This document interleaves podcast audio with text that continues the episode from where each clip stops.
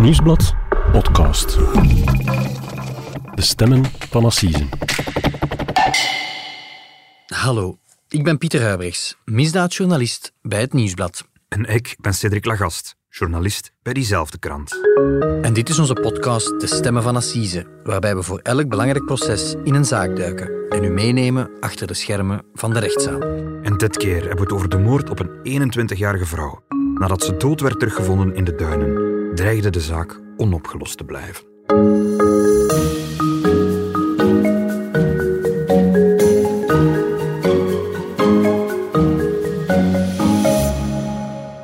Dag Cedric. Dag Pieter. Cedric, welkom in onze podcaststudio op Linkeroever voor onze wekelijkse De Stemmen van Assise. Dankjewel, insgelijks. Cedric, ik ben wat in de war, want als ik de titel van onze podcast goed lees, dan denk ik de Duinenmoord. In april hebben we het ook al over de Duinenmoord gehad. Klopt, maar dat was een compleet ander verhaal, hè, Pieter. Je zou denken dat een moord in de duinen dat dat een vrij uniek gegeven is, dat dat niet zo heel vaak voorkomt, maar toch zitten er al twee dossiers met die titel op de kaft in de kasten van justitie.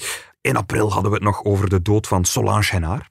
Dat was een 82-jarige vrouw die in 2019 verdwenen bleek en dood werd teruggevonden. In de duinen van Oostende. In de duinen, absoluut. Op aanwijzingen van haar zoon Frank Pauwels. Die is daar ook voor veroordeeld, maar opvallend, niet wegens moord. Hij is uh, veroordeeld wegens het toebrengen van slagen en verwondingen met de dood tot het gevolg. Dus eigenlijk, de duinenmoord in dat geval is misschien niet meer zo goed gekozen. Mm -hmm. En dus kunnen we het vandaag nog eens over de echte duinenmoord hebben. Voilà, we hebben het over een ander dossier. Andere duinen ook. We moeten naar de duinen van Zeebrugge. En daar is in de zomer van 2010 het lichaam gevonden van een jonge vermoorde vrouw. Twaalf jaar geleden dus. Intussen, wie was die vrouw? Wel, dat is een beetje het hele punt van heel het onderzoek. Dat wisten ze niet toen ze die persoon gevonden hebben. En dat is eigenlijk ook jarenlang een groot mysterie gebleven. En omdat ze niet wisten wie die vrouw was, had het gerecht eigenlijk ook geen beginpunt, geen aanknopingspunt voor een onderzoek. Ze wisten eigenlijk niet waar ze vandaan kwam, in welk milieu dat ze omging. Dus eigenlijk, dat onderzoek is heel traag op gang gekomen. Het gerecht heeft eigenlijk um, twee jaar lang enorm veel moeite gedaan om die allereerste vraag, wie is die vrouw, te kunnen beantwoorden. Ze hebben enorm veel mensen bevraagd. Uh, ze hebben ook een aantal wetenschappelijke technieken gebruikt die eigenlijk niet eerder gebruikt werden in strafrechtelijke onderzoeken. Allemaal om uiteindelijk haar naam te kunnen vinden, om van start te kunnen gaan met dat onderzoek en om gerechtigheid te kunnen schenken aan die overleden vrouw. Cedric, zomer van 2010. Ja. Jij en ik zijn uh, op het einde van 2009 op de nationale redactie van de krant begonnen. Wij waren een half jaar nationale reporter. Yes. Als dat verhaal uh, gebeurd is, het is een vrouw die in de duinen ligt en daar wordt een onderzoek naar gestart. Het begint eigenlijk een beetje als in een film, Pieter. We zijn dus op een dinsdagavond, zomervakantie, heel veel toeristen die aan zee zijn. En er is een koppel ook aan zee die een beetje uitrust. En hun kinderen die spelen in de duinen. En op een bepaald moment komen die kinderen plots al roepend uit de duinen terug naar het strand gelopen, naar hun ouders. Want ze hebben een hand uit het zand zien steken. Onwaarschijnlijke scène. Absoluut. En die ouders die kunnen dat ook niet goed geloven natuurlijk. Een hand die uit het zand steekt. Ze gaan kijken en ze zien effectief hoe een vrouwenhand vanuit het zand naar boven reikt. En ze begrijpen, ja, daar ligt iemand begraven. Vlakbij is er een surfclub.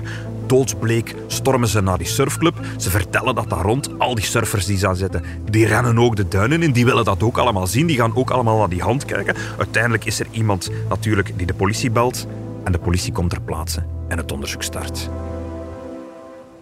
De hele crime scene wordt afgebakend met lint. De politie komt ter plekke. Ja, daar hebben we nog foto's van. Daar is de pers ook op afgekomen natuurlijk, zo gaat dat. Maar het lichaam wordt eigenlijk niet onmiddellijk opgegraven. De DVI komt erbij, dat is het uh, Disaster Victim Identification Team van de federale politie. Dat kennen we, dat is eigenlijk een speciaal team dat eigenlijk als taak heeft om lichamen te identificeren. Die uh, zijn actief in België, maar die worden bijvoorbeeld ook naar het buitenland gestuurd om te helpen bij grote rampen. Ik geloof dat jij ook eens mee bent geweest met de DVI. Ja, ik was ooit in de Filipijnen, hè, op Tacloban toen, na de tsunami. En dan was uh, DVI ook mee om die honderden, zeg maar duizenden lichamen die daar, uh, die daar lagen na de tsunami mee te helpen identificeren. Ja, die doen zeer baanbrekend en zeer merkwaardig werk. Ja, ze hebben een soort uh, kennis die eigenlijk over heel de wereld geapprecieerd wordt, die niet iedereen heeft natuurlijk. Maar bon, hier komt de DVI ook ter plekke. En ze beslissen eigenlijk om pas sanderendaags aan de slag te gaan. Want het is ondertussen al avond, het wordt donker. En ze zeggen, nee, nee, we hebben licht nodig. We moeten goed zien wat we hier aan het doen zijn. Ze willen niet overhaast te werk gaan. En ze gaan eigenlijk een beetje te werk als archeologen. Dus eigenlijk heel voorzichtig graven ze beetje bij beetje het zand weg. Met borsteltjes, met truwelen. En al dat zand wordt dan gezeefd. En de hoop is eigenlijk dat ze ergens in dat zand rond het lichaam nog ergens sporen zullen vinden die hen op weg zal kunnen helpen naar de dader. Het duurt zeven uur om op die manier heel dat lichaam uit te graven. Het lichaam blijkt dat van een jonge vrouw te zijn, een blanke vrouw met zwart haar. Ze heeft nog een witte linnen broek aan, een wit t-shirt met een open rug. Ze heeft zwart ondergoed aan, geen schoenen. Ze is op blote voeten. En dat is het eigenlijk. Veel meer weten ze niet. Ze heeft geen papieren op zak. Ze heeft ook geen tatoeages of zo aan waaraan dat ze zou kunnen geïdentificeerd worden. En eigenlijk in het zand daar rond vinden ze ook eigenlijk geen spoor. Ze hadden bijvoorbeeld gehoopt om een sigarettenpeuk te vinden van de dader. Als je een sigarettenpeuk vindt, daaruit kan je DNA eh, vinden die naar de dader kan leiden. Dat vinden ze eigenlijk niet. Ze hebben eigenlijk het lichaam van een vrouw en heel veel vragen. Volgende stap lijkt me dan in de databank zoeken van de politie van ja, zijn er hier in de streek vrouwen vermist? Ja, dat blijkt niet het geval. Allee, er zijn wel personen vermist uiteraard, ook in, in de streek, maar niemand die aan het signalement voldoet. Niemand, een vrouw van die leeftijd, eh, die er zo uitziet. Het zal eigenlijk jarenlang een groot mysterie blijven. Ik neem aan dat er dan ook een wetsdokter arriveert om de doodsoorzaak van die vrouw te achterhalen. Absoluut, ja. En wat zegt hij? De doodsoorzaak, ook dat is een groot vraagteken. Hè? Want het, het lichaam ligt er al een poosje, zo zegt die dokter. En uh, hoe meer tijd er verstrijkt nadat iemand overleden is, hoe moeilijker dat het is om bijvoorbeeld een moment te achterhalen waarop dat iemand gestorven is, of ook wat de reden is. Want uh, er zijn geen uiterlijke sporen van geweld op het lichaam. Er is geen steekwonde van een mes, er is ook geen kogelwonde. Ik kan daar niet direct conclusies uit trekken. Er zit veel zand in de long, dus je zou kunnen zeggen... Um, ze is verstikt door het zand. Maar ook daar heeft de dokter twijfels bij, want dat zand kan ook in haar longen geraakt zijn op het moment dat ze begraven is. Dus eigenlijk, na lang onderzoek, moet die wetsdokter ook concluderen ik kan de doodsoorzaak niet meer bepalen. Dus je zit daar met een vermiste vrouw die niemand als vermist heeft opgegeven. Je zit met, een, met een lichaam in het zand waar geen doodsoorzaak is. Ja. Ja, dat lijkt mij een uitdaging als speurder om daaraan te beginnen. Absoluut. En ze doen vooral beroep op de wetenschap, hè, Pieter. Er worden eigenlijk doorheen de jaren allerlei nieuwe technieken uitgeprobeerd, in de hoop dat ze het raadsel kunnen oplossen. Haar DNA wordt uiteraard bepaald en in een aantal databanken gestoken. Haar vingerafdrukken worden afgenomen en vergeleken met, met vingerafdrukken van vermiste personen. Maar bon, dat levert allemaal niks op. Haar gebit, hè, ook, ook mensen worden ook geïdentificeerd aan de hand van hun gebit. Iedereen heeft een uniek gebit.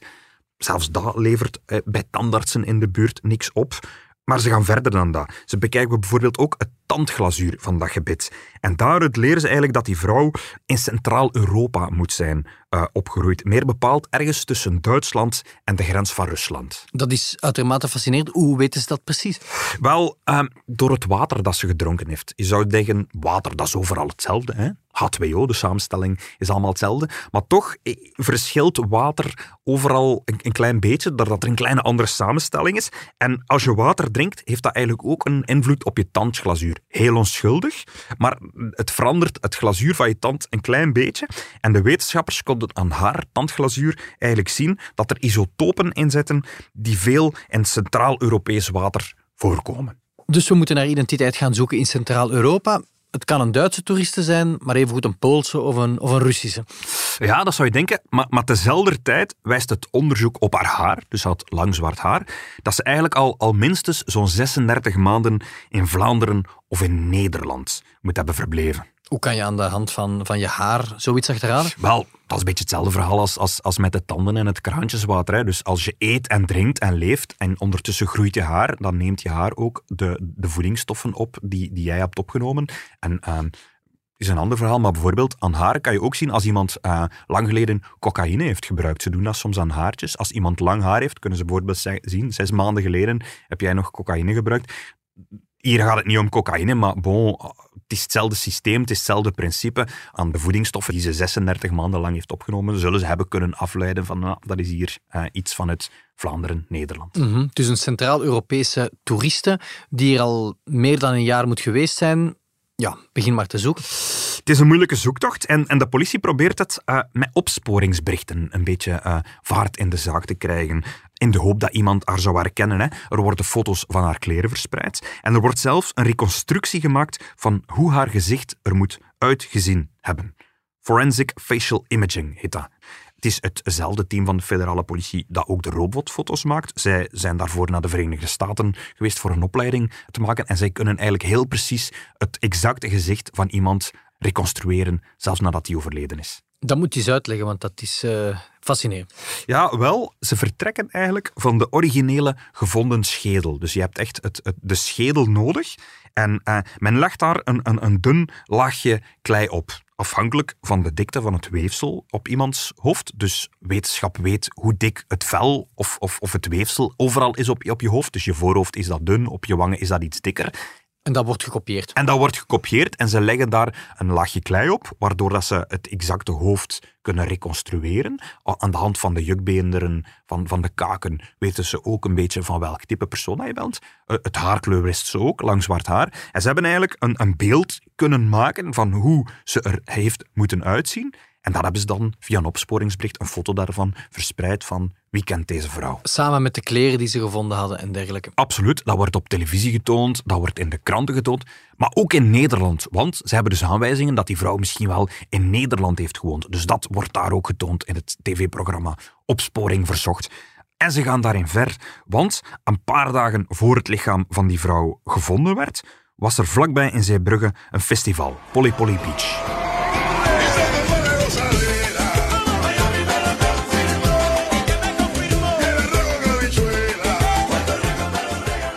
En ze vermoeden dat die vrouw misschien op dat festival zou kunnen geweest zijn. En wat ze eerst doen is, ze bestuderen 10.000 foto's die op dat festival gemaakt zijn, in de hoop dat ze iemand herkennen met die kleren van die vrouw aan. Dus dat zijn de camerabeelden, nee, of dat zijn de fotografen die voor Polly Polly Beach aan het werk waren en die laten al hun foto's zien aan de speurders? Alles. Ze zoeken op sociale media, ze vragen officiële foto's op, ze bekijken camerabeelden. Ze, ze zoeken eigenlijk alles wat er die dag, die drie dagen eigenlijk van beelden gemaakt zijn, um, in, de, in de hoop dat ze haar zouden herkennen. Maar dat levert in eerste instantie niks op. En twee jaar later, in de zomer van 2012, als Polly Polly Beach opnieuw doorgaat, delen ze honderden flyers uit met de robotfoto, met, met foto van haar kleren, aan alle bezoekers, in de hoop dat iemand zich herinnert dat ze de vrouw twee jaar eerder daar gezien zouden hebben. Mm Klinkt wel alsof dat die speurders alles op alles zetten om, om die identiteit van die vrouw te achterhalen. Ja, er worden uh, kosten nog moeite gespaard. Er wordt daarnaast ook nog onderzoek gedaan in het misdaadmilieu. De ambassades in Centraal-Europa worden nageschreven internationale verdwijningsdossiers, mensen die, die spoorloos zijn in het buitenland. Dat wordt ook allemaal bestudeerd. Even is er zelfs een verdachte in beeld, want begin 2012 wordt er in Antwerpen de 18-jarige Alexander Trischka opgepakt. Hij wordt opgepakt voor de moord op een 43-jarige vrouw in een parkeergarage. Dat is een bijzonder brutale moord, want hij had haar doodgeschopt en uh, is daarvoor trouwens tot 22 jaar zelf veroordeeld. In Antwerpen, je zou denken, er is niet onmiddellijk een link met die vrouw in Zeebrugge, maar de ontdekken dat uh, zijn pleegmoeder in Zeebrugge, vlakbij de plek waar dat uh, lichaam gevonden wordt, dat zij daar een vakantieverblijf heeft. Dus de speurders uh, beginnen zich te focussen op Alexander Triska. Voilà, dus het duidt ook aan dat ze heel veel andere misdaaddossiers ook uh, uitpluizen. Zelf uit Antwerpen, uit andere delen van het land, in de hoop dat ze ergens een aanwijzing zouden hebben. Ze onderzoeken ook de rol van Triska. Ze zien dat hij in de zomer van 2010 effectief in dat appartement ook verbleven heeft. Maar uiteindelijk vinden ze niks dat hem echt aan de zaak linkt. Hij ontkent ook en dat spoor bloedt dood. En de zaak komt uiteindelijk pas in 2013 in een stroomversnelling. Er is een spoor en dat leidt naar Nederland.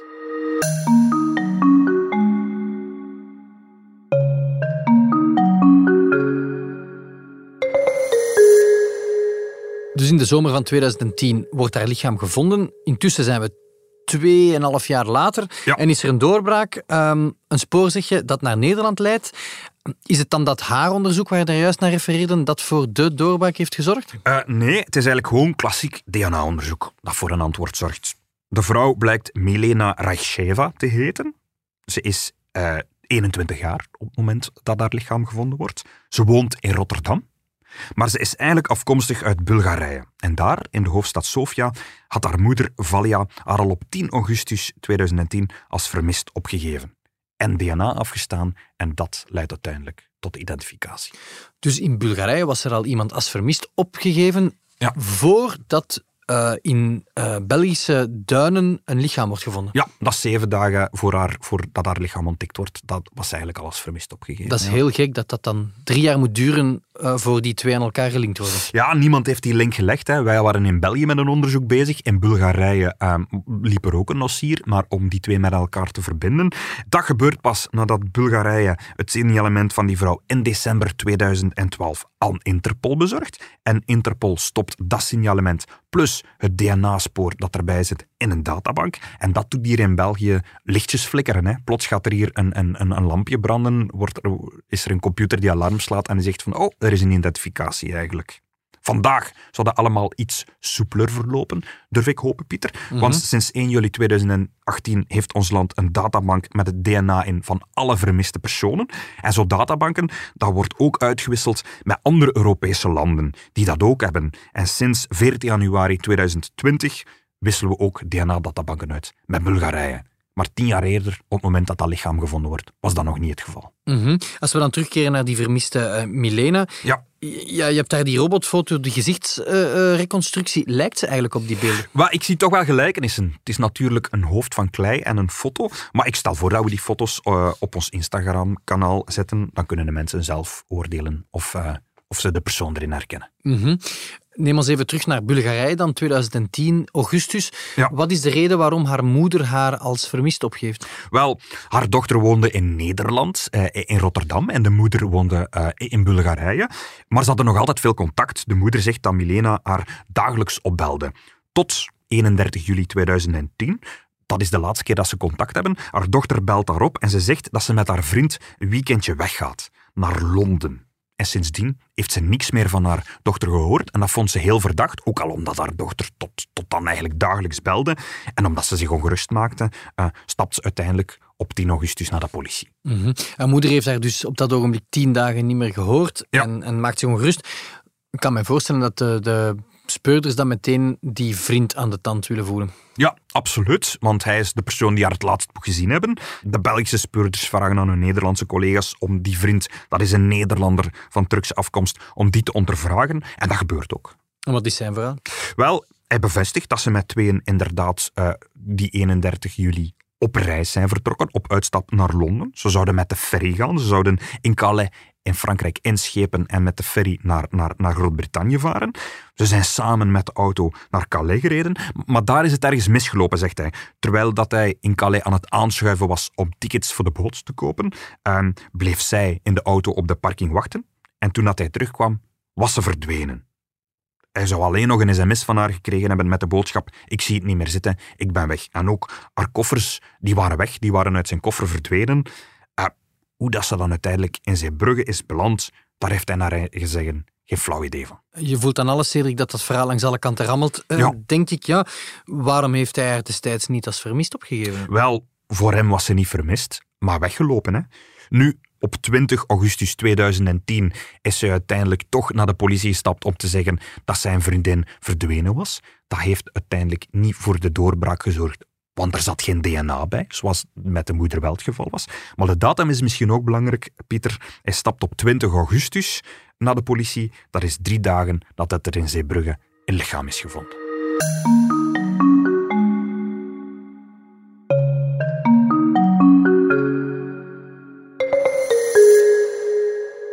Na meer dan twee jaar weten we dus eindelijk wie die onbekende vrouw in de duinen is. Ze heeft dus een naam. Ja. We weten nog altijd niet wat er gebeurd is. Nee. Misschien, Cedric, moet je ons eerst vertellen, ja, wie was die Milena precies?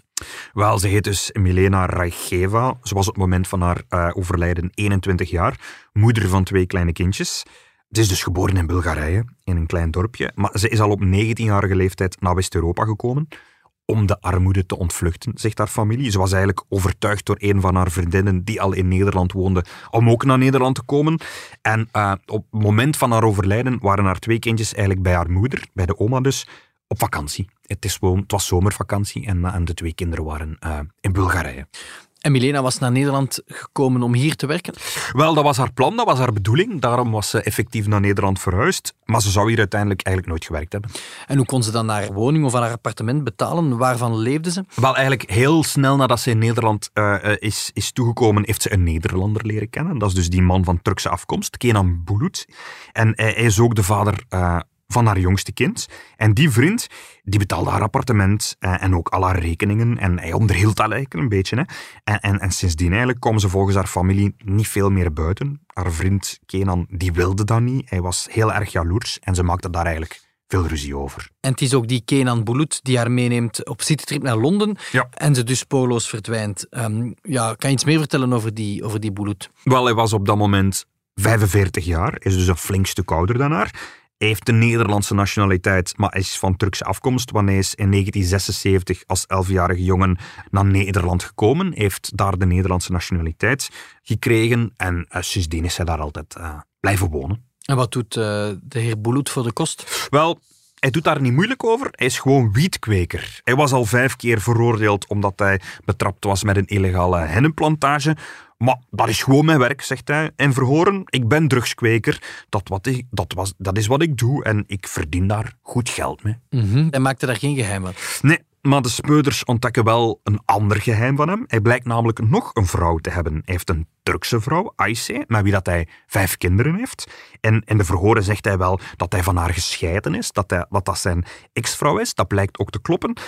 Maar in werkelijkheid blijken ze eigenlijk nog altijd een koppel te zijn. Want als ze bijvoorbeeld hem uh, een aantal jaren later willen verhoren, vinden ze hem niet thuis in zijn appartement, maar wel in de slaapkamer in het bed van die ex-vrouw. Dus als ik het allemaal goed begrijp, heeft hij zes kinderen bij twee vrouwen. Ja, dat klopt. Alleen blijkt Ayse, dus die eerste vrouw, zeg maar, die Turkse vrouw, er niet van op de hoogte te zijn dat er een tweede vrouw in het spel is. Als ze daarover verhoord wordt later, reageert ze stom verbaasd. Ze weet niet, ook niet dat hij een zoontje heeft uh, bij een andere vrouw. En er duikt nog een getuige op, een zekere Sevi, ook een Bulgaarse vrouw, een goede vriendin van Milena. En zij vertelt dat Milena wel wist dat Kenan een, een, een, een andere vrouw had. En dat ze dat beu was. En dat, dat zorgde voor spanning. Dat zorgde voor spanning en ze had ermee gedreigd om aan die andere vrouw te gaan vertellen dat zij een kind had met Bulut. Sevi was de laatste met wie dat Milena nog contact had voordat ze naar Londen vertrok. Milena was bij haar langs geweest om nog een bikini te lenen om mee te nemen op reis. En op 1 augustus, dat is één dag na het vertrek, kreeg ze nog een sms van die Milena. We zijn in België, op hotel, we gaan morgen met de ferry naar Londen.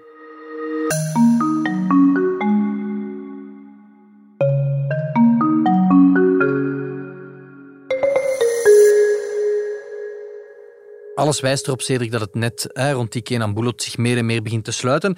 Um, maar plots zitten ze niet in Calais, blijkt uit die sms, maar in België. En ook een dag later, hè, want hij had verteld dat ze op 31 juli waren, vertrokken dat ze op 31 juli was, uh, was vermist. Maar bon, we zitten een dag later. De politie begint dat ook te denken. Het duurt toch nog een tijdje. En op 21 januari 2015, dat is nog eens twee jaar later, valt de Nederlandse politie, op vraag van België uiteraard, binnen bij Kenan Boulout. Zoals je daar juist vertelde, in de slaapkamer van zijn ex. Ja, ze zijn op zoek naar hem. Ze gaan eerst naar zijn appartement, vinden ze hem niet. Ze vinden hem uiteindelijk bij die ex-vrouw. Hij wordt opgepakt, hij wordt urenlang ondervraagd. Hij houdt vol dat hij niks te maken heeft met de verdwijning van die Milena. Hij houdt vol, ze is plots op de parking van Calais verdwenen. Maar bon, hij wordt toch in verdenking gesteld van de moord. Hij zit uiteindelijk twee jaar in voorrechtenis. Tot in januari 2017. Dan wordt hij door de Gentse Kamer van een beschuldigingsstelling vrijgelaten en ruil voor een borgsom van maar liefst 25.000 euro. -hmm. Dus dat wil zeggen dat die man, we zijn nu 2022, al meer dan vijf jaar op vrije voeten is intussen. Maar niet bepaald, want uh, nog eens twee jaar later, in april 2019, wordt hij door de Nederlandse politie opgepakt op verdenking van brandstichting. Hij heeft zijn eigen huis in Rotterdam in brand gestoken en bij die brand is een 27-jarige buurjongen, Robert Hendricks, gestorven. En hij is daarvoor ook veroordeeld tot tien jaar cel en hij zit nu die straf uit in Nederland. Een man van in de 50 uit Rotterdam moet wellicht voor het Hof van Assise verschijnen op verdenking van de moord op zijn voormalige vriendin. Dat vindt althans de raadkamer in Brugge. De vrouw is in de zomer van 2010 dood teruggevonden in de duinen van Zeebrugge. Ze was toen 26. Cedric, ik hoor hier een fragment van onze regionale collega's van Focus WTV. Ja. Vrijdag start een assiseproces in Brugge uh, met op de beschuldigde bank Kenan Bulut, beschuldigd van de moord op Milena. Ja, absoluut. Maar we kunnen ook wel zeggen dat het parket eigenlijk hier met een dossier start waar nog heel veel gaten en vraagtekens in zitten. Hè. Het parket kan eigenlijk niet zeggen wat er precies is gebeurd, of zelfs wanneer, want de moord, zeggen ze, moet ergens tussen 1 en 17 augustus gepleegd zijn. Maar wanneer precies, of waar, was dat in de duinen, was dat op een andere plek, en hoe dat ze zelfs is vermoord, zelfs dat is onduidelijk. Hij is ook nooit opgemerkt in, in, in België. Er is, nooit, uh, er is nooit bewezen dat hij in Zeebruggen is geweest. En zijn DNA is bijvoorbeeld ook niet op het lichaam gevonden. En, en wat het motief is, het parket gaat ervan uit dat dit was omdat Milena eigenlijk ermee dreigde dat ze hun relatie aan zijn vrouw zou verklappen. Maar bon, daarvoor zegt hem, ja, wij waren al gescheiden, dat kon men eigenlijk allemaal zoveel niet schelen. Mm -hmm. Zit er dus een beschuldigde die ontkent, zijn DNA is nergens gevonden, ja. Uh, niemand heeft hem in België gezien, je hebt daar die sms van haar dat ze in België is, haar lichaam is uiteraard gevonden. Ja klinkt een beetje als een, uh, een wankel dossier dat wel eens zou kunnen eindigen met een vrijspraak voor de beschuldigde. Ja, dat zal volledig van de jury afhangen natuurlijk. Hè. Het zijn zij die hier een oordeel moeten overvellen. En ik denk dat de grootste handicap van de beschuldigde er eigenlijk een beetje zijn eigen persoonlijkheid zal zijn. Want hij is natuurlijk een veroordeeld crimineel. Uh, niet alleen voor die drugsdossiers, ook al voor de dood van die 27-jarige Nederlander. Dat is al heel veel. Dat is al uh, veel. En hij heeft tijdens het onderzoek natuurlijk ook alle moeite van de wereld gedaan om zich zo verdacht mogelijk uh, te maken. Want op het moment dat hij wordt opgepakt, uh, wil hij op geen enkele vraag antwoorden. Hij beroept zich op zijn zwijgrecht. Dat is natuurlijk zijn goed recht. Maar bon, het, roept wel vragen op. Waarom vertel je eigenlijk niet gewoon wat er echt gebeurd is? Waarom wacht je daarmee? En hij zegt, ja, ik wil eerst het dossier inkijken. Ik wil eerst zien wat er tegen mij is dat roept vragen op. En zijn uiteindelijke verhaal, dat hij haar verloren is, dat ze is weggelopen op de parking van Calais, dat hangt eigenlijk ook een beetje met haken en ogen aan elkaar. Hè. Is ook nooit in Calais gezien. In Calais hebben ze ook onderzoek gedaan. Hij is daar niet opgedoken op camerabeelden bijvoorbeeld. En daarnaast heeft hij vanuit de gevangenis geprobeerd om getuigen, bijvoorbeeld die vriendin Sevi, om hen onder druk te zetten, zodat ze hun verklaringen zouden aanpassen. Mm Klinkt als een, als een proces dat we zeker moeten volgen. Hè? Fascinerend, net omdat de uitkomst nog niet vaststaat. Wie zijn de advocaten die hem door dit uh, moeilijke proces zullen loodsen? Wel, hij heeft doorheen de jaren al verschillende advocaten gehad. Maar de Brusselse advocaat Sevda Kariskaya, die is nu al enkele jaren zijn advocaat. Jonge advocaat, maar zoals al eh, eerder advocaat op het assiseproces van Kadir Kir. Dat is de neef van de bekende burgemeester van Sint-Joost de Node. En die neef, uh, Kadir Kir, die is veroordeeld uh, voor de moord op zijn vrouw. En zij was daar toen aanwezig voor de burgerlijke partij. En pleit zij alleen? Nee, uh, Boulet heeft nog een tweede advocaat gekozen, Luc Wallijn een West-Vlaming uh, aan de Brusselse Bali. Hij is een bekend mensenrechtenadvocaat, uh, oud-voorzitter van de NGO Advocaten zonder Grenzen. En hij was bijvoorbeeld advocaat op het proces rond de dood van de Nigeriaanse vluchtelingen Simira Adamo, die in 1998 is overleden toen ze naar haar land werd uitgewezen. Ja, dat is een belangrijk proces geweest, want dat heeft geleid tot ontslag van toenmalig minister van Binnenlandse Zaken Louis Tobak. Absoluut. Nu, we zullen nog andere advocaten in de rechtszaal zien. Uh, de advocaten Thomas Gillis en Dominique de Walen. Die streden op voor de burgerlijke partij, voor de moeder, de broer en de zus van het slachtoffer. Mm -hmm. En wie is de openbare aanklager? Dat is deze keer uh, Fien Malles, eerste substituut bij het uh, parket West-Vlaanderen. Bekend, want ze is ook natuurlijk ook de woordvoerder van datzelfde parket. En haar zagen we onder meer al aan het werk op het proces rond de kasteelmoord op Saint-Sales, waar ze een van de twee openbare aanklagers was. En de voorzitter? De voorzitter tenslotte, dat is Willem de Pauw. Ervaren voorzitter. Absoluut.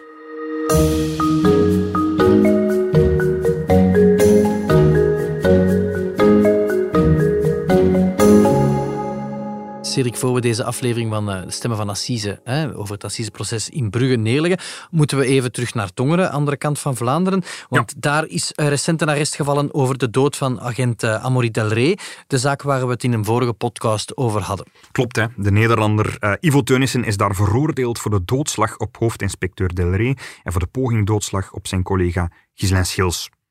Dat leek vooraf uh, een zekerheid te zijn, want het parket-generaal had hem daarvan ook beschuldigd. En Sven Marie, de advocaat van Teunissen, die had eigenlijk gezegd dat hij dat niet zou betwisten. Hij zou de, de, de, de aanklacht van doodslag, hij zou dat niet bestrijden. Maar tijdens het proces zag het er toch een klein beetje naar uit dat het toch nog zwaarder zou uitvallen voor Teunissen. Dat moet je eens uitleggen.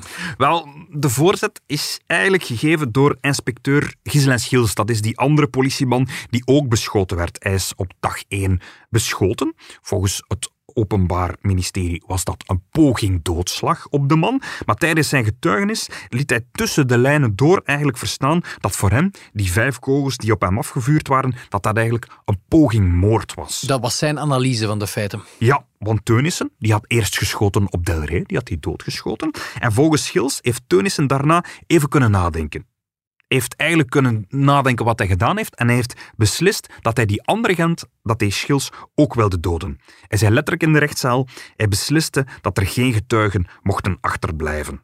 En dan gaat het om een moordpoging natuurlijk. Dus dan is er een korte periode geweest van, van voorbedachtheid, dat de schutter eigenlijk heeft kunnen nadenken over ik ga die persoon neerschieten, moord. Ja. En moord wordt natuurlijk veel zwaarder bestraft nog dan doodslag. Inderdaad. En openbaar aanklager Ken Witpas die heeft daar uiteindelijk zijn karretje aangehangen. Die heeft na de pleidooien gezegd: Ik verzoek om de jury de vraag over de voorbedachtheid ook te willen voorleggen. Hij gaf de jury daarmee eigenlijk de kans om hem ook voor moord en voor moordpoging te veroordelen. Mhm, dat is ook iets wat de burgerlijke partijen, de weduwe van Amaury Delray, vroegen. Hè, van kijk, maak er moord van niet louter doodslag. Ja. Maar de twaalfkoppige jury is daar niet in gevolgd. Nee, zijn advocaat Sven Marie die heeft zich daartegen hevig verzet. En de jury hield het uiteindelijk op doodslag en poging doodslag. Geen moord, want hij kende Amaury Delray niet. En hij wist ook niet dat hij daar een politieman zou tegenkomen, is de redenering. Mhm. Welke straf heeft hij finaal gekregen? Wel, op doodslag staat 15 tot 30 jaar cel. Aanklager Ken Witpas die vroeg 27 jaar cel en dat is het uiteindelijk ook geworden. Belangrijk om nog mee te geven, hij zal zijn straf allicht in Nederland uitzetten en daar valt hij onder het Nederlandse gevangeniswezen. En daar is geen overbevolking. En de straffen worden daar eigenlijk veel rechtlijniger uitgevoerd dan hier in België. En dat wil, eigenlijk, dat wil eigenlijk zeggen dat de kans groot is dat hij die 27 jaar helemaal zal moeten uitzetten. Cedric, rest mij enkel nog u te bedanken om dat hier in onze podcaststudio helder te komen uitleggen. Graag gedaan. Het proces uh, start in Brugge. Vandaag. Vandaag. We gaan dat uiteraard volgen uh, op Instagram Stories, op onze website, in de krant. En in een volgende podcast komen we daar ongetwijfeld ook op terug. Oké. Okay. Bedankt. Dit was De Stemmen van Assisen, een podcast van het Nieuwsblad. De stemmen waren deze week van Pieter Huibrechts en van mezelf, Cedric Lagast. Onze dank gaat uit naar Focus WTV voor het gebruik van enkele audiofragmenten. De montage gebeurde door Benjamin Hertogs van House of Media en de productie was in goede handen bij Joni Keimolen en Bert Heijvaart.